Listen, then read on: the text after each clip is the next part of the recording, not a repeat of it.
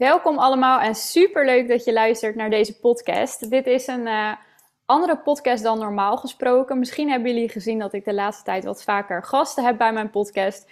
En vandaag heb ik uh, een gast waar ik zelf super excited over ben.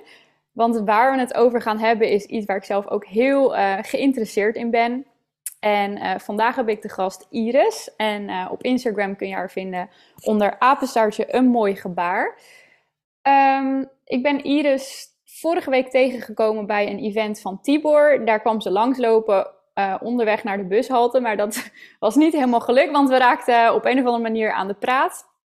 En Iris vertelde dat zij uh, haar vier kinderen thuis homeschoolt. En dat is iets wat ik ja, zelf echt fantastisch vind. Dat is uh, wat ik zelf ook ambitieer voor mijn eigen kinderen later. Um, en de laatste tijd blijft ja, blijven er eigenlijk maar moeders op mijn pad komen die een hele andere visie hebben voor het ouderschap. Die er op een hele bewuste manier um, in staan en eigenlijk heel anders doen dan de weg van de maatschappij, zoals je kind bij vierjarige leeftijd, geloof ik, naar school doen, naar de opvang, naar de peuterspeelzaal, et cetera. En um, de onderbouwingen die ik van deze vrouwen krijg, die zijn stuk voor stuk heel sterk en daar kan ik mij heel goed in vinden. Dus vandaag wil ik het met Iris gaan hebben over haar verhaal, um, wat haar tot deze beslissing heeft gebracht om haar kinderen thuis les te geven, hoe ze dit aanpakt en ook alle praktische tips en adviezen hierover. Dus Iris, welkom. Ja, dankjewel. Wat een leuke introductie. Fijn dat je er bent. Ja. Um, laten we gewoon even beginnen bij het begin. Zou je mij mee willen nemen in ja, hoe, hoe dit alles is begonnen voor jou. Hoe ging dit bij, is dit direct jouw beslissing geweest al voordat je je eerste kreeg, tijdens, daarna? Wat zijn je overwegingen geweest? Uh, neem ons even mee in jouw uh, verhaal. Um, goeie vraag. Ik ben uh, gaan studeren. Toen heb ik algemene sociale wetenschappen gedaan en daarna een onderzoeksmaster Child Development and Education, allemaal aan de Universiteit van Amsterdam. En dat vond ik heel erg leuk. En daar leerde ik allerlei dingen over hoe onderwijs werkt, maar zeker ook hoe leren werkt. En dat dat eigenlijk best wel twee verschillende dingen zijn. Omdat hoe een kind uh, leert vaak heel moeilijk vorm te geven is als je dertig kinderen in een klas hebt. Mm-hmm. Die twee dingen die gaan eigenlijk automatisch botst dat vaak. Nou, toen um, ik uh, zwanger werd, heb ik het er best wel wel eens met mijn partner over gehad. En mijn partner had daar allerlei uh, ideeën of angsten of beelden bij. Van ja, maar dan, uh, dan wordt je kind niet sociaal. Of ja, maar dat hoort niet. Of ja, maar hoe werkt dat dan?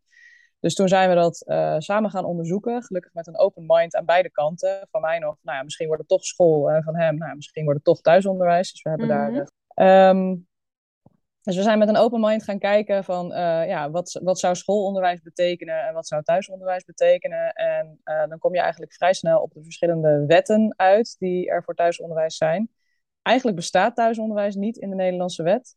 Um, mm-hmm. We hebben de leerplichtwet en dat betekent dat iedereen van vijf jaar en ouder naar school moet. Maar daar zijn drie uh, uitzonderingen op. Tenminste drie uitzonderingen op. En um, een van de uitzonderingen, dat noemen ze dan um, artikel 5 onder A. Dat is mhm. als je kind school ongeschikt is. En dat moet worden vastgesteld door een arts of door een psycholoog. En dat is best ja. wel verdrietig als dat gebeurt. Het is vaak ook helemaal niet wat ouders natuurlijk willen. Hè? Um, uh, dat is best een heftige, heftig proces. En dat moet elk jaar opnieuw moet dat worden bewezen dat je kind nog steeds schoolongeschikt is. Um, dus dat is een van de uitzonderingen waarop je kind niet naar school hoeft. Een andere uitzondering is uh, 5 onder B. Daar gaan nu verreweg de meeste kinderen die vrijstelling hebben in Nederland. Het zijn er volgens mij maar 900 hoor, dus het is geen enorm grote groep. Oh, oké. Okay. Um, gaan onder 5, uh, 5 onder B. En dat betekent dat er van jouw levensovertuiging op redelijke afstand van je woonadres geen school is. Mm dat heeft dus niks te maken met de inrichting van de school. Dus je mag niet zeggen van, goh, uh, Montessori staat me niet aan, of ik vind de klassen te groot, of de juffen zijn overspannen. Dat zijn allemaal argumenten die, die niet gelden. Mm-hmm. Het enige wat je mag zeggen is, mijn levensovertuiging zijn geen scholen van. En moet je dat dan um, inhoudelijk zeg maar verklaren wat dan jouw levensovertuiging is? Nee, daar mogen ze officieel niet naar vragen, naar wat jouw mm-hmm. levensovertuiging is. Omdat je dan discriminatie zou kunnen krijgen op basis van je levensovertuiging. Ja, als ik zeg van nou, ik ben katholiek en dit zijn mijn redenen. En jij zegt ik ben protestant en dit zijn mijn redenen. En het wordt bij mij afgewezen mm. en bij jou niet. Dat zou natuurlijk, dat willen ze niet. Maar je moet wel argumenten kunnen geven. Dus je moet Ja. bijvoorbeeld zeggen, binnen mijn levensovertuiging eh, zijn er meerdere goden. En op het christelijk onderwijs is er maar één god. Mhm. Zoiets, zoiets moet je wel eh, eh, opstellen voor alle scholen die dus op een redelijke afstand van jouw woonadres zich bevinden. En die redelijke afstand die loopt op. Die is volgens mij 6 kilometer als je kind 5 is, naar 15 als je kind 12 is of zo. Hmm. Dat loopt, dat loopt langzaamaan op, omdat ze verwachten dat oudere kinderen ook wat verder kunnen fietsen of zoiets. Oké. Ehm, en dan eh, is vaak de volgende vraag van ja, maar moet je dan toetsen doen met je kinderen? Of eh, wat moet je dan doen? Nou, dat, dat hoeft niet. Ehm, je moet één keer per jaar een brief indienen waarin staat dat er nog steeds geen school is eh, van jouw levensovertuiging op redelijke afstand van je woonadres. Met de namen van je kinderen en je BSN-nummers en dat soort dingen. En dan eh, krijg je, als het allemaal goed gaat, een brief op de deurmat met het is weer toegekend voor het komende jaar. Ehm, en dat hebben wij, wij, onze kinderen gaan onder dit, dit artikel, hebben ze thuisonderwijs, de oudste twee. Mhm. De derde is pas drie. Eh, en dit moet je doen een maand voordat ze vijf worden, dus dat duurt nog even. We hebben hier in onze gemeente een leerplichtambtenaar die zich gewoon prima aan, eh, aan de wet houdt zoals die is. Er zijn helaas ook gemeentes waar eh, de leerplichtambtenaren behoorlijk buiten het boekje gaan en allerlei Mhm. eisen en gesprekken eisen die wettelijk gezien zij geen recht op hebben. Dat, daar hoef je niet op in te gaan. Maar ja, als je dwars gaat liggen, of als je, nou eigenlijk helemaal niet dwars gaat liggen, maar als je, eh, als je zelf aan de wet houdt, Ja. dan eh, willen ze het nog wel eens doorspelen, toch naar een rechtszaak. En dat is gewoon Hmm. vervelend. Die win je dan vaak wel, eh, als je inderdaad je levensovertuiging ehm, goed op orde hebt en je argumenten goed op orde hebt. Ehm, kom je een heel eind, Oké. maar het is wel slopend voor de mensen die daarmee te maken hebben. En eh, dan ben ik benieuwd. Wat is jouw levensovertuiging op papier?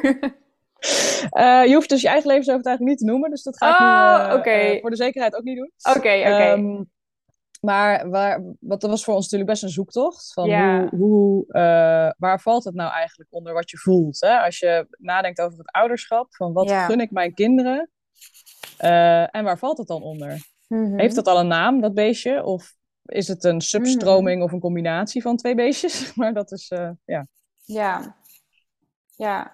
En kun je, kun je daar een globale tip nog voor geven voor de mensen die... ehm, ja. Ja, ga, ga daar goed over nadenken eerst. Dus ga, als je met, met je partner eh gaat zitten en bedenkt van oké, wat vinden wij belangrijk? Nou, voor ons kwamen daar echt wel kernwaarden naar voren van wij vinden het heel belangrijk dat we als gezin heel veel tijd met elkaar hebben. Ja. Alleen, ehm, dat, dat is weer een argument tegen de inrichting van scholen, want scholen kosten 30 uur per week, maar dat heeft niks Mhm. te maken met de eh, religieuze richting van de school. Ja. Dat was best wel moeilijk. Ehm, Ja, want levensovertuiging, is dat dan meer religieus? Of kun je bijvoorbeeld ook zeggen, want kijk, er zijn natuurlijk ook zat boeken waarin onderzoeken staan over dat het helemaal niet goed is voor jonge kinderen om zoveel tijd weg van huis te zijn. Maar Ja. is dat dan, ja, snap je, levensovertuiging? Eh, of moet dat vooral gebaseerd zijn op het religieuze? Het Als- mag absoluut gebaseerd zijn op, op religie, ehm, maar je kunt ook denken aan dingen als humanisme of holisme of eh, spiritueel holisme of eh, dat, soort, dat soort richtingen. Ja, Ehm, en dat gaat vaak best een stuk hand in hand met de wat bewustere natuurlijke ouderschapsmethodieken, omdat je Mhm. daarin inderdaad kijkt naar, ja, hoe normaal is het voor een kind om heel veel stil te zitten? Of hoe normaal is het om al zoveel uren gescheiden te zijn van ouders, maar ook van broertjes en zusjes? En ja, zoveel binnen te zijn. Ja. Ehm, als je over dat soort waarden gaat nadenken, dan eh, rolt daar soms best een beeld uit. En dan kun je zelf in, in de eh, levensovertuigingen boeken duiken om te kijken welk, welk labeltje daar het beste bij past. ja, Al is het labeltje dus niet eh, in eerste instantie, en als het goed is, niet nodig volgens de wet om dat uit te dragen. Maar je kunt er wel sterker door in je schoenen staan. Ja, als je weet van oké, we hebben het gewoon allemaal op orde. Dus mocht het tot een rechtszaak komen, is dat vervelend omdat het tijd en energie kost. Maar dan zijn we daarmee niet onze vrijstelling kwijt. ja, precies. Het eh, zekere voor het onzekere, denk Ja. ik.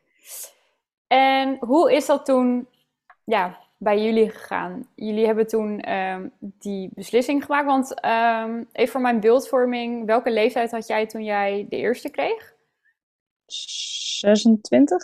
26. En Ja. die is nu hoe oud? Zeven jaar oud. Die is nu zeven jaar. Oké. Ehm, ja, kun je me een beetje meenemen hoe dit bij jullie thuis is gegaan? Want je gaat het Ja. natuurlijk helemaal voor het eerst doen. Je begint er met één. Nou, de volgende komt. Hoe ga je het op een gegeven moment met elkaar combineren? Waar begin je? Hoe, ja, hoe heb jij dit aangepakt van scratch of aan, zeg maar?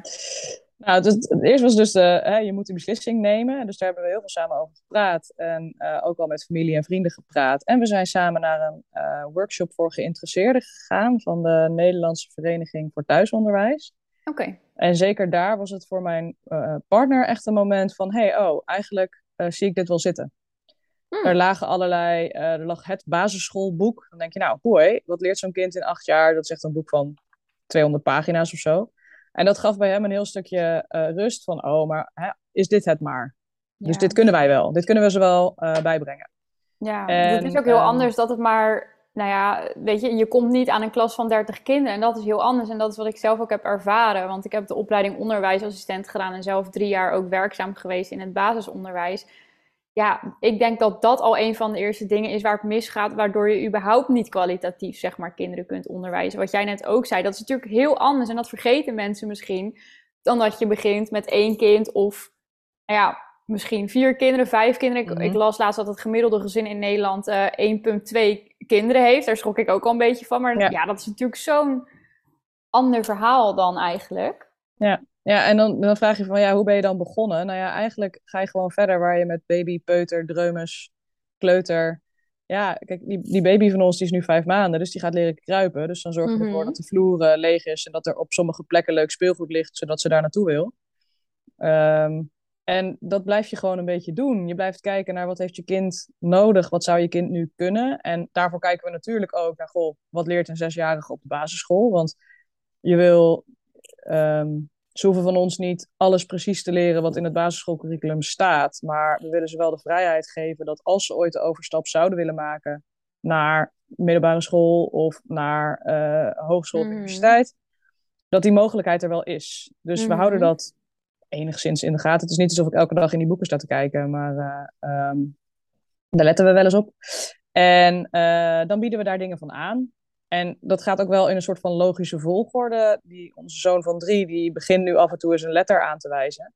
Ja, dan ga je het nog niet met hem hebben over een DT-spellingsregel. Maar je kunt het wel met mhm. hem hebben over, kijk, hier staat een plaatje van een kat. En oh hé, hey, er staat een hele grote letter k bij. Mhm. En dat, dat blijf je uh, volhouden. En omdat het maar zo weinig kinderen zijn, kun je dat zelf goed in de gaten houden. Van hé, hey, wat kan mijn kind eigenlijk? Dus we hebben geen toetsen nodig om te weten welk kind op welk niveau op dit moment uh, aan het ontwikkelen is. Ja. Um, en dat maakt ook het Wat ook best wel abstract is eigenlijk natuurlijk, omdat, uh, omdat ja, te ja. concluderen uit een CITO-toets. Want volgens mij hebben we ook een heleboel uh, andere aspecten die belangrijk zijn in het leven als we het hebben over ontwikkeling. Maar dat even terzijde. Ja. Nou ja, nou, niet echt terzijde. Want dat is, dat is wat mensen dan ook vragen. Hè? Van wie doet dan het onderwijs? Dan denk ik, ja, iedereen. Als ze bij de bakker staan en ze staan geld af te wisselen... en zo'n vrouw achter de kassa heeft het geduld om uit te leggen aan mijn zevenjarige... van hé, hey, hoeveel gaf je me nou en hoeveel krijg je terug? Dan geeft die mevrouw op dat moment ook rekenonderwijs. En ja, ik vind het, ik vind het heel, heel kunstmatig om dat uit elkaar te trekken. Want ik vind koekjes bakken heel belangrijk. En ik vind in de moestuin werken heel belangrijk. En ik vind rekenen heel belangrijk. Dat, ja. ja. En lief met een baby omgaan en lief met een kat omgaan. Ook heel belangrijk. Ja, dat heeft niks met school te maken, maar ik hoop toch dat het lieve sociale mensen zijn. Mhm. Ja, en ik hoop ook dat ze snappen hoe je woord met een D of met DT schrijft, natuurlijk. Maar dat is voor mij niet los. Ja, ja ik vind het heel erg grappig, want laatst was mijn, uh, mijn buurjongetje hier om appeltaart te maken. En die mhm. is nu zeven, geloof ik. En ze staan ingeschreven op de vrije school, maar hij heeft vaak geen zin om naar school te gaan. En, en, ik vroeg hem waarom. En hij zegt: Waarom zou ik dat doen als ik van papa alles kan leren? En van mama en van jullie? Want weet je, we wonen hier best wel met z'n allen op een landgoed, zeg maar, bij elkaar. En eigenlijk het enige wat ik wil is mensen helpen en klusjes doen en sterk worden. Dus ook echt dat, weet je, die typische mannelijke eigenschappen. Mhm. Waarbij op school tegen jongetjes wordt gezegd van zit stil. Ja. Uh, weet je, eigenlijk gedraag je als een meisje. Dat dat bij hem dus heel natuurlijk. Want hij is helemaal nog niet gevormd door wat voor systeem of wat voor regels dan ook. Dat hij dat zo uit zichzelf benoemt eigenlijk. Dat, ja. ja en het is één kind. Ik bedoel, ja, ieder kind is anders. Maar um, dat, ja, dat die woorden uit, uit een jongetje van zeven dat, dat vond ik toch wel heel mooi. Want het feit dat hij dus helemaal niet in dat hele systeem is gerold, zegt denk ik ook iets over wat voor uitspraken en wat voor, ja, wat voor ogen ook een kind naar de wereld kijkt. Ja. Ja. denk het absoluut. En ja, dus ik ben helemaal niet anti-school. Ik denk dat school voor een heleboel ouders gewoon een hele fijne manier is van kinderopvang. Ja, Ik denk dat het voor kinderen een hele fijne manier is om hun dagen door te brengen. Mhm. Ehm, alleen, ja, ik, ik vraag dat wel eens aan ouders. Van, goh, als jij nou eh, met honderd mensen in een vliegtuig ergens op een eiland neer zou storten, wat zou je dan met kinderen gaan doen? En ik hoop dat het nooit iemand eh, gebeurt natuurlijk, maar het gedachte-experiment van wat vind je dan belangrijke waarden? Vaak kom je dan niet uit op staardelingen en kom je niet uit op, Nee. dan, dan bouwen we een gebouw en daar gaan die kinderen dan zes uur per dag met één overspannen onderbetaalde juf Mhm. in zittend doorbrengen. En natuurlijk is het nu heel, heel logisch dat het schoolsysteem zo werkt, omdat het heel veel kinderen zijn op heel weinig menspersoneel. En omdat we helemaal doorgedraaid zijn in de, in de veiligheidsregeltjes. Dus zo'n juf durft ook bijna niet meer met de kinderen naar buiten, want dan moet ze 28 formulieren invullen over wie, waar, met welke EpiPennen, welke allergieën en welke Ja. rugzakjes. En Ja. En je krijgt bijna geen vrijwillige ouders meer. Dat is denk ik echt wel anders. Toen ik 30 jaar geleden op school zat, eh, waren er gewoon nog best wel veel huismoeders. En die kreeg je dan wel mee Precies. naar uitstapjes. Ja. En nu werkt iedereen. En Ja. dat is logisch hoor, want het leven is peperduur. Mhm. Maar dat maakt het voor juffen en meesters nog moeilijker om de dagen rond te krijgen om echt activiteiten buitenschool nog te gaan ondernemen. Mhm. Wat je zegt, het leven is peperduur. Laatst was ik ook in gesprek bij iemand die deed mijn nagels. En ehm zij begon eigenlijk zichzelf, over zichzelf te praten. Het feit dat zij 40 uur werkt. En zegt van, ja, maar ik doe mijn kinderen daar een, een gunst mee. Want daardoor kan ik de schoonmaakster betalen en dit en de opvang. En toen dacht ik bij mezelf, ja, maar als je niet zou werken, zou je die dingen ook niet hoeven te betalen. Dus heel vaak zie je dat het zichzelf ook in stand houdt. Bijvoorbeeld een vriendin van mij werkt op een kinderopvang. Die zei op een gegeven moment kwam ik tot het besef dat ik mijn kind na drie maanden moest afstaan aan de opvang om zelf betaald in een opvang te werken. Ja. Maar we krijgen niet betaald om gewoon zelf de verantwoordelijkheid voor Ja. onze eigen kinderen te nemen. Dus ik ben voor andere kinderen aan het zorgen, daar krijg Ja. ik betaald voor. Terwijl ik mijn eigen zoon moet afstaan na drie maanden aan Ja. iemand anders die ik helemaal niet ken. Hoe krom is nu- dat? Wij zitten nu zo te bellen. Er is, eh, eh, wij hebben eh, ofwel een oppas twee dagen of een gastouder eh, in huis. Nu even niet, want het is nog niet rond met GGD en de regeltjes en de veiligheid. Oh ja. ja. Ehm, en dat zorgt ervoor dat ik kan werken. En dat is wel eens krom. Mijn zus heeft dat een hele tijd hier in huis gedaan. En mijn zus kreeg dan eh 20 euro per uur betaald om op mijn kinderen te passen, zodat ik kon werken. Mhm. Terwijl ehm, ik met mijn eigen kinderen daar geen geld voor krijg. Eh, wat ik ook niet zou willen hoor, begrijp me niet verkeerd. Maar dat Nee, is ook met, het. met Ja. eh, hè, het thuisonderwijs om daarop terug te komen. Je krijgt daar ook geen enkele vorm van vergoeding of steun. Of je Mhm. kunt geen bonnetjes indienen van je materialen. Of, Ja. Dus ja, wat het kost is, eh, de grootste kostenpost is de inkomstenderving. Omdat je niet allebei aan het werk bent. ja. Op de uren dat je kind normaal naar school zou gaan. Ja. Ehm, en daarna kun je het, denk ik, ook wel zo duur of zo goedkoop maken als dat je zelf wil. Als je een bibliotheekabonnement hebt en je hebt een luisterboekabonnement. ehm, en Buiten in de natuur is zoveel te Ja. vinden. Precies, misschien een museumjaarkaart. Ehm, Ja. misschien koop je af en toe de Action leeg voor knutselmaterialen. Maar dat kan zo duur en zo goedkoop als dat je zelf wil. Ja, ja. Maar wat je zegt, weet je, het, het inleveren op de inkomsten dan. ehm, ja, dat is natuurlijk financieel gezien inleveren. Wat voor heel veel mensen denk ik ook een hele grote stap is. En een reden om te twijfelen of om het niet te doen. Ja. Want wat je wel ziet is, ja, als je zo'n keuze maakt als dit, het, het is wel volledig je eigen verantwoordelijkheid. eh, Ja, hoe je dit Ik vind dat altijd, Ja. eigenlijk. Ja, Ik vind ook als je je kinderen naar school brengt, blijf je 100% verantwoordelijk voor of ze zich daar eh, gelukkig voelen en floreren en sociaal worden. En ja, onze overheid denkt daar soms anders over. Die vindt dan bijvoorbeeld dat je je kind niet thuis mag houden als het zich niet lekker voelt. Of als het echt heel erg Ja. gepest wordt op school. ja, ja. Ik, ik vind dat best wel ver gaan. Dat je, ja, omdat je dus bij je kind van twee in sommige steden of nog jonger al moet besluiten van nou, ik denk dat deze school misschien over een paar jaar bij jou past. Ehm, dat je daar dan ook aan vastzit totdat zo'n kind 18 is. Mhm. Ik vind het heel ver gaan. Ik, Ja. Maar goed, dat, dat- daarom Ja. kiezen wij voor thuisonderwijs. Ja, hey, en ehm, hoe, hoe ziet een normale, nou ja, normale weet ik niet of die bestaan, hoe ziet een gemiddelde week bij jullie thuis eh, eruit? Hou jij je aan een bepaald schema? Kijk je per dag wat je gaat doen? Eh, maak je, plan je voor een jaar vooruit, voor een week? Plan je helemaal niks? Heb je vaste tijden? Dus ja, hoe ziet dat er een beetje uit? We hebben van dag tot dag best wel heel veel vaste momenten en vaste rituelen met uh, opstaan, aankleden, ontbijten, um, om tien uur mm fruit eten, om twaalf uur lunchen. Gewoon, ja, ik vind dat zelf prettig. Wij varen daar zelf wel, wel bij, om daar gewoon een mhm. vaste moment voor te hebben. En dan um, zijn er vaste activiteiten in de week. De oudste twee die zwemmen twee keer anderhalf uur in de week. Um, en uh, we doen boodschappen op een vast moment. En, uh, uh, dus dat zijn zo ja, een beetje de, de vaste, vaste elementen. En normaliter ja. hebben we dus een gasthouder die hier twee dagen per week is.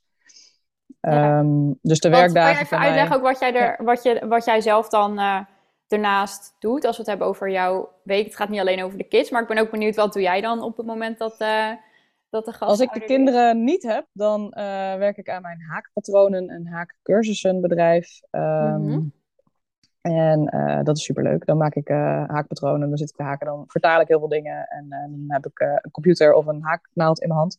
Mm. Um, en idealiter heb ik dan ook af en toe een uurtje voor mezelf. Ga ik lekker een stuk wandelen of koffie drinken met een vriendin. Of, uh, zodat die momenten er ook zijn. Hè? Maar veel schoolmoeders, nadat ze het schoolplein verlaten, een paar uur voor zichzelf hebben, uh, hebben wij dat niet. Dus dat hmm. moet je dan op andere momenten uh, inplannen. Oké, ja. En, uh, en, dat is leuk. En mijn man werkt in de IT. En ook heel veel vanuit huis. Eén dag per week vertrekt hij naar kantoor. En drie dagen per week is hij in huis. Oké.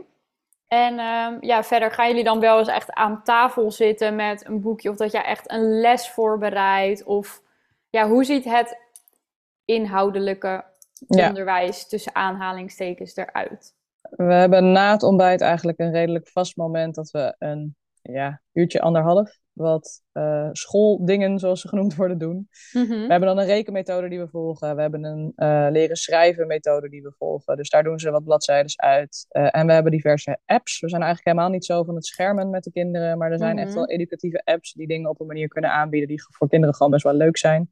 Mm je hebt Junior Einstein en je hebt Scula en je hebt met Rosetta Stone leren ze nu Engels. Okay. Uh, we hebben zo'n piano spelen ding, wat dus helemaal uitlegt hoe je je handjes moet houden. En uh, um, waar allemaal leuke Disney liedjes en Frozen en zo in zitten. Dus dat spreekt de kinderen ook gewoon heel erg aan. Mm -hmm. um, en die apps zorgen er ook voor dat als er eentje iets met een iPad aan het doen is, dat je dan met de ander um, duidelijker kunt uitleggen. Dus als de driejarige leert tellen met de iPad, dan kan ik met meer aandacht de letters schrijven met de vijfjarige bijvoorbeeld. Dus het geeft ook net even wat meer ruimte aan tafel. Oké, oké. En dat, uh, ja, omdat het maar uh, bijna één op één onderwijs is, uh, ga je daar best wel snel eigenlijk doorheen. Mm -hmm. En we vinden het belangrijk dat er elke dag wat rekenen en taal terugkomt. Ja. En voor alle andere dingen, alle aardrijkskunde en geschiedenis en biologie, is het toch echt meer leren van het leven en leuke bibliotheekboekjes uitzoeken en mooie voorleesboeken uitzoeken. En er zijn heel veel Engelstalige thuisonderwijsmethodes.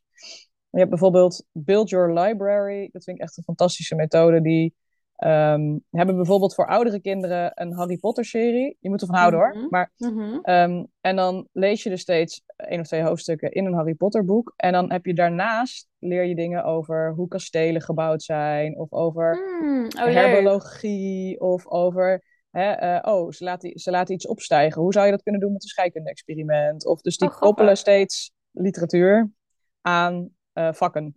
En voor die hele kleintjes van ons uh, hebben we nu steeds een continent. Dus weet ik veel, Noord-Amerika. En dan koppelen ze dat aan een, een National Geographic jeugdatlas, waar dan alle beestjes van zo'n ding in staan, van zo'n regio. En ze koppelen het aan mythes en sages van zo'n gebied. En mm-hmm. Dus dan duik je even een tijdje in zo'n gebied. Een, een, week of twee of drie, hoe lang je dat zelf wil uitrekken. En dan, dus op die manier komen ook alle andere vakken aan bod. En dat, het leuke daarvan vind ik wel dat je dat eigenlijk voor onze kinderen, behalve voor de baby, allemaal wel aantrekkelijk kunt maken. Die driejarige vindt het dan heel leuk om stickers te plakken van een bison. En de zevenjarige vindt het ook al heel leuk om te weten van hoe groot is dat nou eigenlijk vergeleken met Nederland. En hoeveel rivieren hebben ze? Wow, hebben ze de 3300 rivieren in Canada? Dat is veel. maar dat, dat is gewoon leuk. Uh, dat het op meerdere leeftijden aansluit. Ja, leuk. En is dat in het Engels ook? Dat is grotendeels in het Engels. En hmm. soms uh, lees ik dan ook in het Engels dingen voor en soms vertaal ik het zelf. Ja. Ons doel is wel dat de kinderen um, goed Engels kunnen. Ze begrijpen al best wel veel, maar ze spraken tot voor kort eigenlijk geen Engels. Daarom is die nieuwe app in het leven geroepen en daar moeten ze ook spreken oefenen. En sindsdien merken we ook dat ze spontaan meer Engels gaan gebruiken naar elkaar, naar ons. Dus dat is leuk. Leuk, cool. En ehm, dit is dan misschien weer iets een stapje terug, maar waar ik ook nog heel benieuwd naar was, het leren lezen en schrijven. Want mij lijkt dat dat best wel de basis vormt van Mhm. de rest wat je allemaal gaat doen. Hoe heb je dat aangepakt? Ik moet heel eerlijk bekennen dat ik bij die van zeven eigenlijk niet eens precies weet hoe ze zo goed heeft leren lezen. Ehm, we hebben best wel veel puzzeldingetjes gedaan met letters en aanwijzen. Mhm. En, ehm, en bij die van vijf merken we veel meer in wat voor processen ze zit. Oké, Ehm, en ja, dat gaat dan. We hebben allerlei van die biepboekjes met eh ehm, AVI niveau 3 start. Dus dat is echt wat kinderen leren als ze net in groep 3 zitten. Mhm. En soms zijn dat boekjes met lange zinnen en dat er dan één woord rood is. En dat is dan een woord wat zij al zou moeten kunnen lezen. Dus dan lees ik een stukje en dan leest zij het rode woord. En dan lees ik er een stukje en dan leest zij het rode woord. En Oh, dat ja. bouwt zich dan langzaam steeds meer op. En Oh, ja. eh, we volgen voor eigenlijk het lees- en het schrijfonderwijs het boek ehm, Exit Dyslexie van Erik Monen, heet die man geloof ik. Ik ben er niet op vast. Exit Dyslexie kun je zo vinden. Uh, dus wanneer die, die beweert dat dyslexie eigenlijk niet bestaat, dat er gewoon heel erg waardeloos uh, lees- en schrijfonderwijs wordt gegeven. Um, wij vonden Hmm. het allebei een enorm verhelderend boek om te lezen. Oké, okay, Omdat, ja, um, er wordt zoveel. Spellingregels, zoals wij ze vroeger geleerd hebben, zijn echt heel onzinnig, vind ik. ik een Mhm. voorbeeld daarvan is, vroeger leerde je dan, ja, als je het uh, langer kunt maken, dan, nou, dan deed ik katten. Ja, ik kan het langer maken. Komt één te. Ik snapte dat nooit. Ja, ja, ja, ja, ja heel letterlijk. ja, maar ja, ik kan dat langer maken. Ja, ja en ik heb ook het kofschip en het, en het volkschaap heb ik nooit begrepen. Op een of andere manier was ik gewoon, doordat ik zoveel las als kind, omdat ik lezen geweldig vond, hoefde ik me helemaal niet af te vragen of er een D of een T achter moest. Maar als de juf dan weer die regels ging, dan zat ik echt van, waar heb je het nou over? Ja. ja. En dit boek deelt het dus helemaal in kleine stapjes op. En die zegt dus, oh. nou, je moet kinderen gewoon leren als je atte, ette, otte, utte hoort, dan moet het met dubbel T. En zo breekt hij hem in 142 spellingsregels op. En die zijn Mhm. we dus nu ook aan het oefenen in dicteetjes. Van oké, okay, nou, we gaan het woord kat opschrijven. Dan schrijven we het woord katten op. Wat hoor je daarin? Nou, je hoort atte. Oh, dan moeten we er twee keer T. Nou, et cetera. Mhm. Um, Nee. Uh, dat is natuurlijk een beetje zoeken wat aansluit. En dit was voor ons, het is echt uh, een, een, een, boek van 400 pagina's, uh, waar heel duidelijk in wordt uitgelegd waarom er zoveel mensen zijn die slecht spellen. Waarom, Mhm. uh, volgens mij is het 20% van de 15-jarigen is functioneel analfabeet in Nederland. Oh, Enorm hoog. Ja. Um, en, ja, Terwijl we allemaal naar school gaan, toch? Yep. Op 900 na. Ze gaat iets mis. Nou, dat is niet helemaal waar. Er zijn helaas ook, uh, of nou, helaas, er zijn ook uh, 15.000 thuiszitters. Dus kinderen die Mm. wel naar school zouden willen, of ouders die wel willen dat hun kind naar school gaat. Ja. Um, maar die zijn uitgevallen. Hoe Dus bedoel je er zijn- uitgevallen? Ja, Als in, door, ja, door ziekte bijvoorbeeld? Of... bijvoorbeeld, of door uh, ernstig gepest worden, of door um, Oh. hoogbegaafdheid, of dyslexie, of Ja. autisme. Dat de school zich handelingsbekwaam, handelingsonbekwaam uh, verklaart. Van wij kunnen hier eigenlijk niet mee omgaan. En dat er dan geen andere school is die zegt, oh, maar wij kunnen hier wel mee omgaan. Ja, ja. Oh, die jeetje, groep dat is vrij een, groot. eh, ja, dat is een hele grote groep. Dat Ja. eh, had ik niet verwacht. Oké, en heb je verder nog tips qua, qua materialen? Want je noemt al een heleboel praktische dingen. Ik denk dat we zo een Ja. lijstje kunnen samenstellen. maar is er nog iets waarvan je echt zegt van... ja, dit is echt super leuk om te doen. Of dit vonden mijn kinderen helemaal geweldig. Of dit, dit boek, deze website. ehm, ja, jouw... Ik- eh, jouw Ik vind vooral ze gewoon te laten spelen. Er wordt zoveel nadruk bij hele jonge kinderen al gelegd op lezen, schrijven, rekenen. Terwijl ja, in Scandinavische landen gaan ze pas vanaf zeven naar school en daar leren ze het ook. ja. En hier in Nederland vanaf vier en in België al vanaf 2,5. En ehm, ik vind eigenlijk een goede dag met kinderen is een dag waarop ze heel veel zelf hebben kunnen uitvogelen. Mhm. Eh, en daar ontstaan dan ook allerlei eh, mooie dingen in. Van spel Ja. leer je heel veel over Ja. samenwerken en communicatie. En dus, Net als in ja, het echte leven. net als in het echte leven, ja. En ik bedoel, educatief materiaal is er natuurlijk echt genoeg. Maar Ja. volgens mij leer je nog steeds ook heel veel van lekker met je handjes in het zand, in de zandbak, uh, bouwen. Ja, ik deed dat ook met mijn, uh, mijn kids toen ik in, uh, voor groep 4 stond. Gingen we de sloot in, weet je, kikkervisjes bekijken, plantjes die daar groeien, steentjes, dat soort dingen. Nou, en dat vonden ze allemaal de meest geweldige middag, zeg maar, van het hele schooljaar. Doordat ze gewoon lekker met, met hun handen in de bagger mochten zitten. En gewoon, je hoeft er niks van te leren, ga het maar ontdekken zelf. Ja, precies. Het hoeft, er hoeft ook niet overal een, een doel achter te zitten. Van, oh, we gaan nu... Uh, ja. Dat is ook met die knutselwerkjes op school. Ik snap het ergens, maar omdat je er tegelijkertijd hebt. Maar het doodt ook wel een beetje de creativiteit. Dus het is, we gaan nu mhm. bloemen maken, maar ze moeten er precies zo uitkomen te zien. Ja. ja. Mhm. Dan is het kleuren op nummer of zo. Maar of dat echt creatief is. Uh, ja, en ik vind dat heel erg grappig, omdat ik uh, dus onderneem, onderneemsterscoach. En daar zie je eigenlijk vaak hoe zeg maar, het hokjesdenken, wat er in het onderwijs eigenlijk al in wordt gezet. En ook bij het studeren, hoe dat eigenlijk de creativiteit heeft gedood. Om het dan nu op latere leeftijd, nu mag je het helemaal zelf verzinnen. Maar dan zit je al zo vast in die hokjes van geef me een opdracht, maar ik moet het toch op een bepaalde manier doen. En heel erg vanuit het hoofd, zeg maar, dat ik zie dat dat ook is waar ondernemers heel erg uh, vastlopen. Ja, en ik denk ook wel het hele um, het onderscheid tussen kun jij goed rekenen uh, en slecht spellen dan gaan we in het onderwijs heel erg focussen op dat slechte spellen.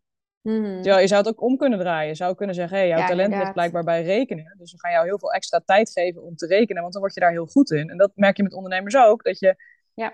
Um, Hè, je bent niet zo goed in voor de camera. Nou, dan moet je heel veel voor de camera. Ja, hoezo? Dan moet jij dus iets anders gaan doen waar je wel kei goed in bent. Mm Ja. Um, Tenzij je heel graag wil leren om voor de camera te zijn. Maar, maar dan is het je keus. En dat is nog altijd anders dan ja, dat je in een bepaalde, bepaald hokje wordt gepropt.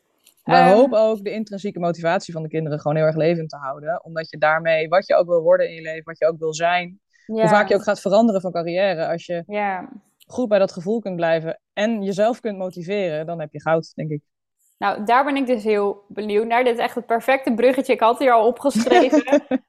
hoe en ja, hoe, hoe staan jouw kids hier zelf in? Wat merk je aan hun? Krijg je wel eens van hun terug van ik zou naar school willen? Of dat ze erover nadenken? Of dat ze bijvoorbeeld met vriendjes uit de buurt bijvoorbeeld erover hebben? Of welke heb je ook wel eens dat je ze, net als kinderen die naar een normale school moeten, misschien bijvoorbeeld niet te genieten zijn s ochtends en um, zich misschien ook tegen jou gaan afzetten omdat je ze op dat moment iets probeert te leren? Ja, hoe, hoe denk jij dat de kinderen dit ervaren? Wat krijg je van ze terug? Van de oudste krijgen we heel duidelijk terug dat ze absoluut niet naar school wil. Uh, maar krijgen we ook wel het meeste tegengas in, uh, maar ik wil dit niet doen. Of maar uh, ik heb al een keer uitgerekend dat 17 plus 3 is, dus ik hoef dat niet nog een keer te doen. Check. um, maar dat is, dat is ook wel weer heel interessant uh, als ouder om dan te kijken van hé, hey, hoe krijg je zo'n kindje wel vrolijk mee? Mm -hmm. En ja, net zoals dat je, ze moeten nou eenmaal tanden poetsen. Ja, soms moeten ze nou eenmaal een paar rekensommen maken. En ja, dat kan net als met tanden poetsen, met strijd gaan in de opvoeding of niet. Ja. Um, als ze het al hebben over ik wil naar school, dan is dat vaak als we langs een speelplein lopen waar op dat moment pauze is. Mm. Of zeg maar dat soort leuke momenten. Of als een, een, een uh, vriendinnetje vertelt van Ehm, we hadden circus gespeeld op school, weet je wel. Er zijn altijd op school natuurlijk best wel een paar hele toffe ehm, activiteiten in een jaar. Of op schoolkamp. Mhm. of, um, ja. En dan, daar hebben ze het wel eens over. En vaak praten we dan met ze van, goh, hoe zouden wij dat vorm kunnen geven? Dus als jullie graag een keer naar een circus willen, nou, dan gaan we kijken wanneer er een circus in de buurt is. En als je graag op kamp wil, nou, misschien wil je wel op scouting. Dan ga je daar mm -hmm. met, op scoutingkamp. Mm ja. En vaak als we iets langer met de kinderen praten, dan hè, we zeggen van nou, het is nu eh, tien uur, kinderen zitten al twee uur op school, hebben daarin niet zelf mogen bepalen wat ze willen en jullie wel. En die moeten nog tot half drie vanmiddag. Dan houdt het vrij snel op hoor, met ik wil graag naar school. Dus het, oh okay, nee, ik ga toch maar even een tekening maken. Ja, precies. Mooi. Ja. Oké, en het andere, ik, die komt net in mij op, maar deze heb ik heel vaak gehoord. En je benoemde hem zelf ook al van maar ik ben bang dat mijn kinderen dan niet sociaal zullen zijn. Wat ehm, heb jij te zeggen over deze ja, angst die best wel veel moeders hebben die homeschooling overwegen? Ik vind het eigenlijk best een grappige angst, want ehm, ik vraag me dan eigenlijk altijd meteen af van, maar waar, wat doen mensen dan met hun kinderen totdat ze vier zijn? Zeg maar, wat, wat verandert er dan? Totdat een kind vier is, ga je uh, met andere moeders koffie drinken en dan laat je je kinderen spelen en je maakt speelafspraakjes of je gaat naar peutergym of, of ze spelen met neefjes en nichtjes of buurmeisjes, zeg maar. Dat, Ja. eh, wat verandert er dan zo cruciaal als een kind vier wordt? Ja, alle andere kinderen gaan naar school. Ja, dat Ja. is inderdaad onhandig. Dat betekent dat de speeltijd wordt ingekort. Ze kunnen dan smiddags Mhm. vanaf half drie tot zes nog Mhm. met andere kinderen spelen in plaats van de hele dag. Ja. Ehm, en ik vind school ook heel veel niet zulke sociale dingen hebben. De, de competitiedrang, concurrentie, de kliekjesvorming, pesten. Heb ik allemaal ehm, gezien. Van twee kanten. Zowel op school als juf zijnde. Dat dat echt ehm, zoveel emotionele schade ook bij sommige kinderen Ja. brengt. En dat hoeft natuurlijk gaan. niet. Het, het Nee, zou kunnen dat als onze kinderen wel Ja. naar school zouden gaan, dat ze een fantastische tijd hebben daar. Dat, dat Mhm. risico, ja, dat, dat, dat, dat willen ze dat ontnemen, dat zou kunnen. Ja. Ehm, maar ik vind, hè, als ik nu, eh, mijn zoontje is dus eh, drieënhalf, als die wel eens een vriendje van ongeveer die leeftijd over de vloer he- heeft, dat moet je vaak nog best wel actief bijsturen voordat het goed gaat met samen delen en uitleggen Ja. wat je wil. En Ja. Ik kan me niet voorstellen dat een juffrouw dat goed lukt met 30. Er zijn prachtige kinderjufs, maar je mist dingen. ja. Dat kan bijna niet anders. Je hebt Mhm. geen ogen in je achterhoofd. Je moet soms ook nog Mhm. iemand een, een, een broek verschoond hebben. En, Ja. ehm, dus hoe sociaal is het? Dan leer je toch ook vooral wel een beetje het recht van de sterkste. Of degene die het hardste schreeuwt, krijgt de aandacht. Of als ik nu maar heel hard overal om ga huilen, dan komt de juf mij steeds troosten. Ja. Dus ja, het is aan ons om ervoor te zorgen dat ze sociaal worden. Maar dat is denk ik aan elke, eh, aan elke persoon die betrokken is bij kinderen. Niet eens alleen aan Ja. ouders. Ja. En daarnaast actief zorgen we ervoor dat we eh, veel op plekken komen waar kinderen zijn. Ze zitten dus op zwemmen en daarnaast op buitenschoolse activiteiten. Die worden hier in onze stad heel Oh. veel ook, ook gratis eh, aangeboden. Oh, leuk. Gaan ze vaak heen. We gaan naar van die georganiseerde biepdingen of eh, ja, naar musea. Er zijn heel veel plekken waar kinderen komen. Ja. En ze komen, denk ik, niks tekort. Ehm, ze zien heel veel mensen in de week. Niet alleen kinderen, maar ook heel veel verschillende volwassenen. Ja. Ja. Ik denk dat dat ook heel, eh, heel belangrijk is. Ik weet niet of je dat boek kent van jagen, verzamelen en opvoeden. Ik ben het niet met alles eens, maar Nee. best wel veel komt er terug als in... Weet je, dat kinderen juist het helpen, het gevoel geven van het, het eh, onderdeel zijn van het gezin. Maar daarmee ook de volwassen activiteiten, waar ze vroeg of laat ook zeg maar zelf Ja. niet aan gaan ontkomen. Dat dat goed is voor de ontwikkeling eh, van een kind. En ook dat niet alles maar een, een leermoment hoeft te zijn, maar dat er juist heel veel geleerd kan worden op het moment dat het niet afgedwongen wordt. Ja. Die, eh, Ja, en ook dat creativiteit en koken en moestuinieren en de was doen ook allemaal belangrijke activiteiten zijn. Dat niet alleen Ja. maar het een hoog cijfer halen op een of andere gestandaardiseerde test. En Ja. ik zeg niet dat scholen echt er zo over nadenken, hè, maar dat is vaak wel als je een 10 minuten gesprek hebt, gaat het toch, denk ik, denk ik, ik ben er nooit bij, maar vroeger ging Ja. het dan toch meer over, goh, nou voor Frans staat ze een 6. Ja. Eh, dan dat het ging over, hey, eh, ze heeft zo'n leuke vriendengroep om zich heen verzameld. En ja, ik vind dat jammer. Er ligt veel dat- nadruk op het, op het intellectuele. En wat ik heel erg zie bij mijn generatie, ook bij de vrouwen, is dat doordat er zo nadruk op het intellectuele ligt. Vroeger had je bijvoorbeeld dan nog de huishoudenschool, of werd dat ook veel meer in het onderwijs volgens mij Mhm. meegenomen, zoals een naailesje en, en bakken en weet ik veel wat. Dat wij eigenlijk, en ik ben met een hele grote groep vrouwen, eh, ook die ik daarin zelf heb mogen begeleiden, dat je daar zo makkelijk door blijft stromen in het onderwijs. Ja. De nadruk blijft liggen op het hoofd, het intellectuele, het presteren eigenlijk. Ja, Wat er alleen maar op een dieper niveau als volwassene inhaakt. En dat ik op een gegeven moment dacht op, op mijn achttiende van... Ja, maar hoe moet ik dat dan? Of nou ja, ik denk wel iets eerder. Ik ben gelukkig vroeg op mezelf gegaan. Maar dat ik dacht van oké, maar weet je, het koken, de was doen. Wat als er een gat in mijn kleding komt? Ehm, stel dat straks hè, de supermarkten ehm, hun, hun prijzen gaan vertiendubbelen wat er aan zit te komen. Ja, Ja. eh, als ik gezonder wil leven en zelf de verantwoordelijkheid ga nemen voor mijn voedsel. Als ik vuur wil gaan maken. Allemaal dat soort Ja. basis levensskills. Dat ik me afvraag, ja, als er een oorlog uitbreekt of ehm, een crisis of wat dan ook. Waar we misschien niet eens heel ver vanaf zitten met, met hoe gek de wereld aan het gaan is. Ja, weet je, hoe, hoe sterk staan we dan nog? ja maar ook positief Maar ook. ook positief gedraaid. Eh, ik las laatst weer een onderzoek dat eh, er stofjes in aarde zitten. Dus als je moestuineert, komen er stofjes vrij die voor dopamine zorgen. Dat je blij, blij wordt. Dus zelfs al komt er geen crisis en zelfs al blijven de supermarktprijzen. ja. Het zijn vaardigheden, weet je, een brood kneden of plantjes zien groeien of, of kipjes aaien of whatever. Het zijn gewoon vaardigheden waar je volgens mij veel gelukkiger van wordt dan acht uur per dag achter een computer stilzitten. Dus Ja. zelfs al wordt de wereld één zonnige, blije, met bloemen overgoten plek, dan Ja. nog zijn die activiteiten gewoon heel fijn. Om te kunnen haken en te breien en te naaien. En om koekjes te bakken en taarten en, en elkaar daar Mhm. blij mee te maken. Ga eens langs die bejaarde, hele eenzame buurvrouw met de zelfgebakken taart. En kijk wat, wat voor voldoening je dat geeft. Zelfs al is de hele wereld prachtig, wat die op dit moment niet is. Maar Ja, Dat nee, soort- je hebt helemaal gelijk. dingen, Mooi dat ja. je het zo omdraait ook, inderdaad. Want ik ben Ja. dan weer in de crisisscenario's aan het denken van... ik wil dat mijn kinderen kunnen overleven. Maar eigenlijk is het ook... Weet je, ik heb nooit moeten overleven. Maar ik merk wel dat het mij zoveel gelukkiger maakt... om inderdaad in de pluktuin bezig te zijn... of mijn groenten vers van het land te halen... of helemaal in het moment te kunnen zijn... waar ik voorheen alleen maar zat te studeren of te werken... Ja. of achter mijn laptop zat. Dat het voor mijn hele levensgeluk zoveel beter Ja. is. Dus ja... ik, ik denk dat we daarin best wel doorgeslagen zijn. Ik denk dat het heel goed is dat vrouwen meer rechten hebben gekregen. Maar, en dat geldt voor mannen ook, dat we daarmee eigenlijk lijken te zijn vergeten dat dit soort eenvoudige activiteiten hun waarde Ja. gewoon hebben. En ja, en juist dat heel groot niet- verschil kunnen maken ook in de verbinding tussen mensen onderling, denk ik. Ja, want wat, ja, mijn kinderen, eh, natuurlijk, we kunnen ervoor kiezen om allebei fulltime te werken. En dan één keer in het jaar naar Bali te vliegen om daar dan twee weken quality time te hebben. ja. Je hoort een beetje aan wat ik daarvan vind. Ik bedoel, ja. ik, ik denk dan, ik heb liever elke ochtend dat ik met mijn kinderen kan ontbijten en lunchen als gezin. Ja, nou ja, Mm. en misschien zien ze Bali pas als ze later zelf 30 zijn. En misschien gaan ze zelf wel helemaal in de hustle culture en vinden ze dat fantastisch. Nou, dat mag ook, dat kan. Gelukkig leven we in een tijd waarin dat allebei kan. Ja. Maar ik vind wel dat de, dat de waarde aan het ehm, alleen maar de red race en nog harder en nog meer en nog meer geld en nog meer werken en nog meer status, ja, dat mag voor mij wel een tandje minder. En je geeft ze een basis om op terug te komen. Want ik ben ook heel bewust opgevoed. ehm, heel erg ja, met het stukje natuur, spiritualiteit, open-minded zijn.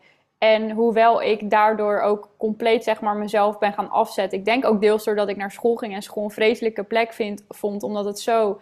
Ja, weet je, er werd zo ontzettend veel gepest bijvoorbeeld bij ons. Mm. En het was zo binnen de, binnen de hokjes en heel erg katholiek. En dat dat misschien ook een, een deel in mij is geweest dat zich is gaan afzetten omdat ze zich niet geaccepteerd en ge- gezien voelde hoe ze was.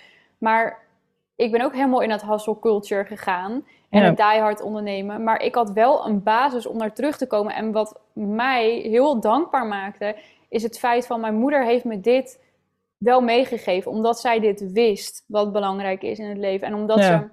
ze, zij heeft daarvoor offers gebracht als moeder om mij het levensgeluk totdat zij kon, zeg maar, mee te geven. Dus zelfs al raak je helemaal verdwaald in het leven en je kunt daar later op terugkomen, Mhm.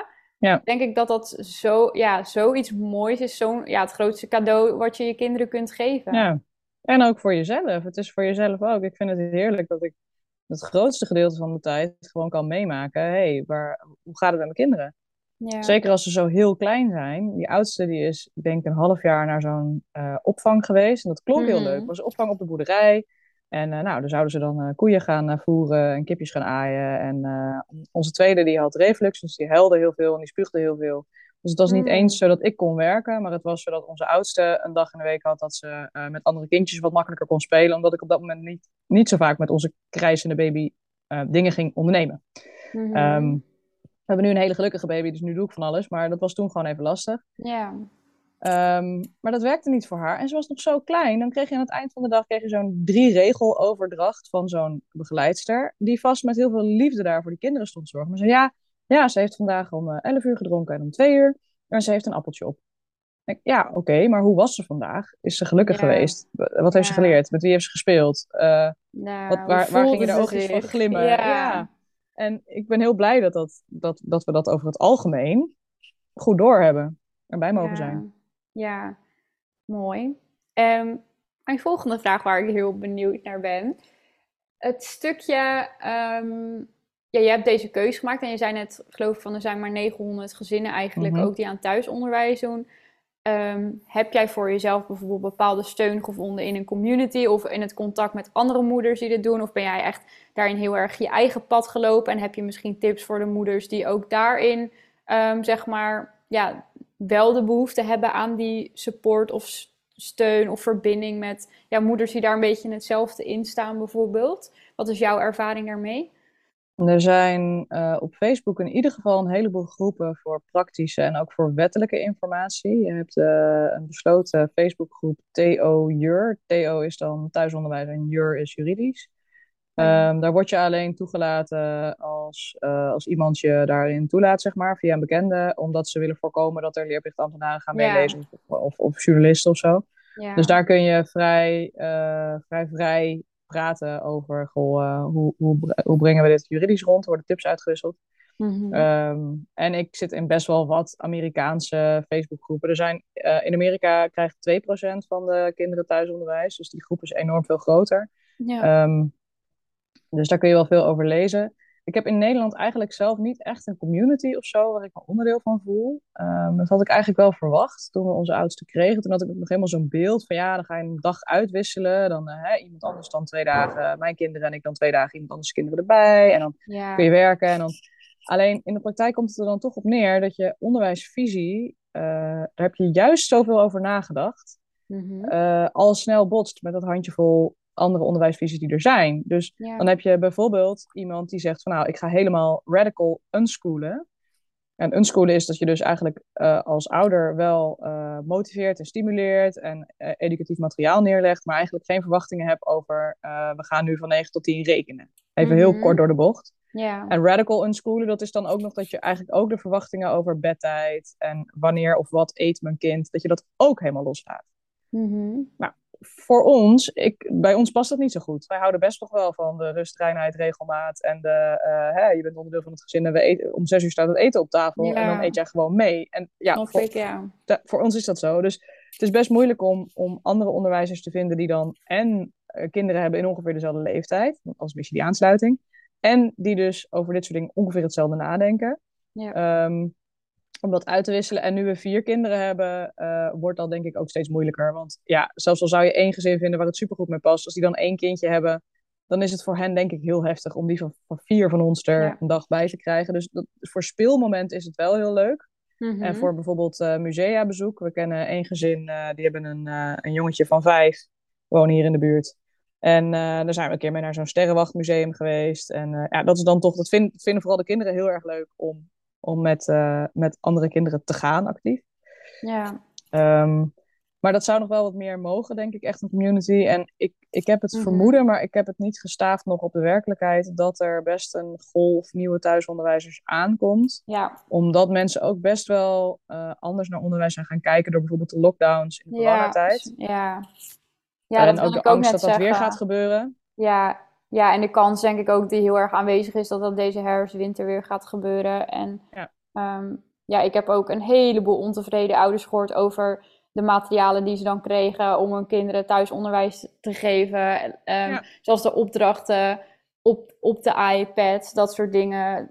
Ja. Dat ouders in één keer inzicht kregen in wat hun kind eigenlijk aan het leren is. En, en ja, Ja. Dat daardoor ook Ja, of ook- worden gesteld. En ook weer positief gedraaid. Dat ze toch merken van, hé, hey, als ik één op één met mijn kindje bezig ben, dan gaat het dan vliegt het door de stof heen. Terwijl er op school toch vaak dingen niet lukken of afgeleid. Of, eh, en ja, ik begrijp dat heel goed. Je zou mij ook niet met mijn laptop tussen 30 andere kinderen neer moeten zetten een hele dag. Dan Nee, komt bij mij ook geen rekensom uit mijn handen. En dat verwachten we wel van die hele lieve kleintjes. ja. Die dat met heel veel discipline ook elke dag maar weer opbrengen om naar school toe te gaan. Ik vind het een wonder hoe goed ze dat allemaal eh, eh, doen eigenlijk over het algemeen, kleine kinderen. ja. Ehm, dus ik verwacht dat er wel meer thuisonderwijzers bij gaan komen. Ik, ik hoop dat ook. Ehm, Mhm. Ik denk dat het een hele, hele mooie manier is van als gezin bij elkaar zijn, tijd met elkaar doorbrengen. Ja, Ehm, dus misschien eh, ligt hier wel een eh, taak voor mij om een community voor thuisonderwijzers eh, ja ik zeg doen. te starten. zeker, ja. Ja, en als je dat gaat doen, dan kunnen we dat zeker kunnen we even een linkje in de, in de podcastomschrijving gaan zetten. Dus wie weet volgt hij nog. Ja. Ja. Mijn ehm, laatste vraag of vragen, voordat we hem gaan afronden, waar ik nog heel erg benieuwd naar ben, is ehm, de grootste uitdagingen die jij hebt ervaren en hoe je daarmee om bent gegaan. En juist de, ja, de mooiste momenten, de overwinningen waar je Mm. toch wel echt heel erg trots op bent. Uitdagingen zitten hem denk ik eigenlijk altijd in eh, de combinatie van werk en zorg.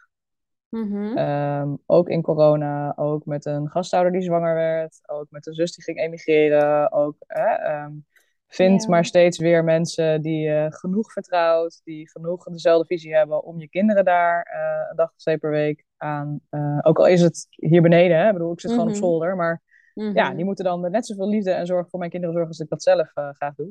Ja. Ehm, dus die, die uitdaging is er en de onvoorspelbaarheid daarvan. Omdat je dus ineens zonder, hè, als de gastouder ziek is of de been breekt, dan zit je ineens zonder.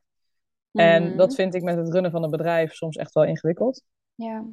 Ehm, en ja, dat heeft natuurlijk eigenlijk niet zozeer te maken met thuisonderwijs, behalve dan dat we eh, ze niet overdag naar school doen. De school is toch een iets vaster geheel dan één zo'n gastouder. En dat, ja. ja, dat, ehm, voorspelbaarder. Ja. Ja. Dat. En eh, als de juf ziek is, dan regelen ze vaak een vervanger. Ehm, Ja. En dat is met de gastouder een heel stuk lastiger. Maar goed, dat is, ja, dat, ik vind het een, een miniem probleem. En het dwingt me ook wel om na te denken: oké, wat is dan echt belangrijk voor mijn bedrijf? Als ik Ja, deze week maar twee uur heb om te werken, ja, wat valt er dan eigenlijk voor ruis waar, waar ik aan dacht te gaan werken? Wat valt er dan weg? Ja. Dus dat is eigenlijk ook wel weer eh, mooi. Ik ben een optimist, zoals je merkt. ja, dat merk ik heel Ehm. erg. Fijn. Hey, en, en inhoudelijk zijn er ook nog inhoudelijk uitdagingen dat je merkt echt in het onderwijs zelf of in de tijd met de, met de kinderen doorbrengen of het... Nog, Ja. niet, nog niet echt. Het is natuurlijk allemaal nog heel erg de basis van, eh, van rekenen en schrijven. En dat heb je allemaal goed onder de knie. En ehm, ja, als er, als daar wel dingen. Er zijn, er zijn best vragen die ze stellen waarvan ik dan zelf ook geen idee heb. Mama, waarom staat een flamingo op één been? ja, eh, je wordt er zelf ook echt elke dag veel wijzer van, volgens Ja. mij. Dus- nou ja, dat zoek je dan even op. Waarom staat een flamingo op één Oh, been? Ja, omdat, geweldig. hij, omdat hij het anders heel koud krijgt. Nou ja, dat. ehm, Oké. Ja, hij staat met zijn poten in koud water. Ja. Eh, dus dat, Hij ik scheelt, dat scheelt de helft van de kou. Ja.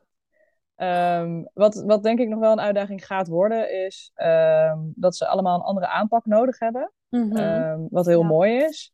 Maar dat het dus bijvoorbeeld kan zijn dat bij het ene kind een schooling heel goed zou passen. Terwijl een ander kind veel meer gebaat is bij wel heel gestructureerd. Hier is je Ja. weektaak, dit moet je afvinken. En ehm, wat is dan eerlijk? Ja. We hebben, ik weet niet of oh je dat ja. dat plaatje kent van die equality versus equity met die eh, muur en die dozen. Dan staan er drie poppetjes. Het ene poppetje is heel klein, het andere poppetje is heel Mhm. lang. En dan staan ze voor een muur. En dan zeggen ze ja, equality zou zijn om ze alle drie één doos te geven. Nou, dan staat die hele Ja. lange die al over de muur heen kon kijken, die ziet het dan nog steeds. En die hele kleine ziet dan nog steeds niks. En dan zeggen ze equity is als je die hele kleine ehm, twee dozen geeft. Want dan kunnen ze allemaal over de muur heen kijken. En dat vind ik in opvoeding in het algemeen, ook met Mm, ja. ook met bedtijden en wanneer vertrouw je ze dat ze zelf een boodschapje mogen doen en eh, heel van dit soort dingen. Ehm, hoe hou je dat eerlijk? En dat is denk ik als juf is het gewoon, oké, nou ja, dit is wat we doen. We hebben 30 kinderen en misschien verdeel je ze nog in eh, eh, slecht leesniveau, gemiddeld leesniveau, en goed leesniveau, maar dit is wat we gaan doen. En ja. ehm, dat vind ik wel een uitdaging om ze alle drie eh, te geven wat ze alle vier straks, te geven wat ze nodig hebben. En dat het voor hen ook nog eerlijk en oké voelt. Ja, dat eh, kan ik me heel goed voorstellen. Ja. Ja. En eh, echt jouw, jouw overwinningen, de momenten waarop je echt zelf ook volledig aan het stralen bent, omdat je gewoon ziet wat, wat voor vruchten je eigenlijk plukt van deze keuze die je hebt gemaakt en je kindjes heel erg gelukkig ziet, of dat je voor jezelf echt super voldaan voelt. Wat zijn dat voor momenten geweest voor Dat jou? zijn vooral de momenten van harmonieus samen zijn. Als ze met z'n drieën gewoon, met z'n vieren, maar de baby is nog zo klein dat ze niet echt meedoet in dit soort dingen. Maar Ja. dat ze gewoon lief met elkaar eh, eh, spelen of langs elkaar heen spelen. Of tekeningen voor elkaar maken. Of elkaar helpen ergens mee. Soms ben ik de kleine boven aan het voeden en dan hoor ik beneden mijn zoontje vragen van ik wil wat drinken. En dan hoor ik een oudere zus, oh dat ga ik even voor je inschenken. Ah. En ja. ik vind dat echt rijkdom ten opzichte van schoolonderwijs. Omdat, die, omdat anders mijn zoontje de afgelopen twee jaar al zijn zussen had moeten missen de hele dag. Ja. Want die waren dan de hele dag op school geweest. Ehm, en na school proberen we ze, eh, doen ze activiteiten. Gaan ze knutselen of eh, ze hebben een tijdje judo. Of... Dus ja, zo'n, hè, ook al is het maar twee jaar leeftijdsverschil tussen de tweede en de derde. Ehm, en ook nu voor de baby. Ja, de baby zou anders vanaf januari al hele dagen alleen zijn. Elke dag. Dan heb je drie broers en zussen en dan ben je alsnog dag alleen. En ja, Dat, Ja. ik, ik, ik, ik vind dat heel sneu. Dus dat is echt wel, daar haal ik heel veel voldoening uit. Dat ze heel veel tijd met elkaar hebben. En natuurlijk Ehm, naarmate je meer kinderen hebt, hebben ze minder één op één tijd met papa en mama. Mhm. Maar ik vind dat de tijd die ze met elkaar hebben daar heel erg eh, dat goed maakt. Mooi. Ja. Oké, nou, ik denk dat jij eh, echt een hele berg aan waarde hebt gegeven in deze podcast voor alle moeders die, eh, die dit overwegen. Ik denk ook na het luisteren dat je vrij weinig excuses nog voor jezelf kan hebben. Want ehm, ja, ik vind het heel mooi hoe je alles heel positief omdraait. En ik denk ook dat, dat zo'n mentaliteit dat ook wel nodig is op het moment dat je dit eh, uit, ja, dat je dit aangaat. Dus Ja. Ook omdat dat je de, toch mooi. kritiek, je zult misschien toch kritiek krijgen. De, groot, de mensen waar, waar ik het meest kritiek van had verwacht, dat is wel grappig. eh, mijn moeder die staat al 40 jaar voor de klas, die doet nog één jaar en dan gaat ze met pensioen. Oké, Op, op de basisschool. Dus ik had eigenlijk verwacht dat die daar best wel moeite mee zou hebben. ja, Eh, toen, toen wij deze keuze aankondigden met eh Ini Mini Baby Oudste. ja.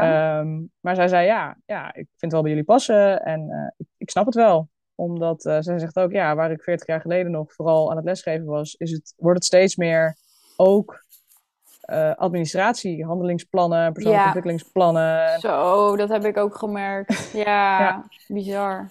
Ja. En eh, ja, dat kan ten goede komen van de kwaliteit van het onderwijs, maar kan het ook ontzettend ondermijnen. En ehm, ja, die gok willen wij met onze kinderen eh, niet nemen.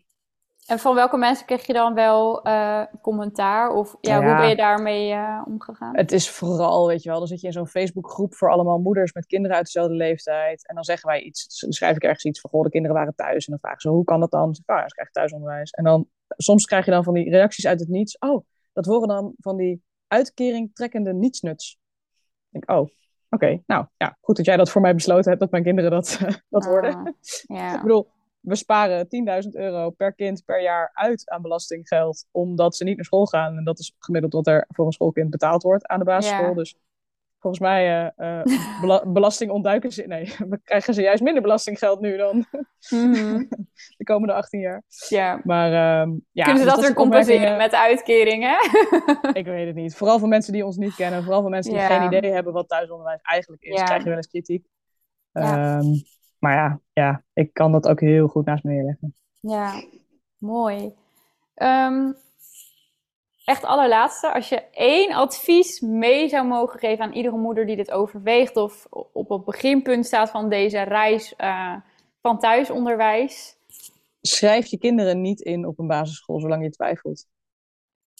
Want eenmaal ingeschreven eh, in het jaar voorafgaand aan de vrijstelling, dus het jaar voordat ze vijf worden, als ze Mhm. ingeschreven hebben gestaan, al hebben ze maar een dag een voet over de drempel gezet op een basisschool, daarmee wordt je mogelijkheid om thuisonderwijs te geven in Nederland 99% minder. Oké. Dan wordt het ontzettend moeilijk. Dus als je kinderen hebt en ze staan ergens ingeschreven, maar je twijfelt en je hoort dit, laat ze uitschrijven. Maak een mooi verhaal. Ehm, er zijn uitschrijfcodes, die kun je in die eh, thuisonderwijs-juridische groep kun je vinden. eh, dat een school ook weet wat ze moeten, want dat horen ze niet zo vaak. Ze weten vaak wel van, oh, een kind wordt ergens anders ingeschreven, dus daar moeten we naartoe door Ja. verwijzen. Maar joh, mensen maken wel eens een verhaal van, goh, mijn man moet voor werk naar Brussel, dus we gaan niet naar een Nederlandse school. En dan wil, dan wil het nog wel eens lukken om de uitschrijving eh, Mhm. voor elkaar te krijgen. Want eenmaal ingeschreven wordt het gewoon bijna onmogelijk om je kind nog eh, thuisonderwijs te geven. Niet helemaal onmogelijk. Je kunt een jaar gaan reizen. Je kunt in België gaan wonen waar het veel makkelijker is. Je kunt in Engeland gaan wonen waar het veel makkelijker is. Er zijn echt wel dingen die je kunt doen nog. Eh, niet- Mhm. not, not all is lost, maar het wordt heel veel moeilijker. En waar ligt dat dan Dat aan? de tip.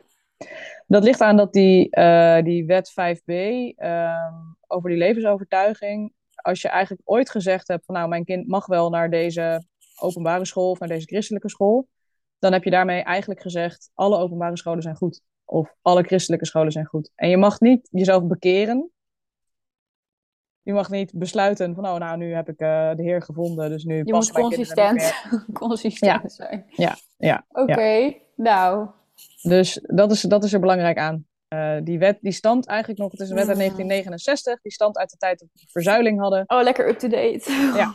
Dat protestantse ou- ouders hun kinderen absoluut niet op een katholieke school wilden. Daar is deze wet eigenlijk nog Ah, steeds, komt die Oké, vandaan. Oké. Ehm, en ja, protestantse mensen werden vroeger niet ineens katholiek. Aha. Oké. Dus dat, eh, ja, dat is de tip. Schrijf ze niet in. Ja, Zolang je twijfelt. En dan schrijf ze wel in als je een heel goed gevoel hebt ehm, over Ja. schoolonderwijs. ja.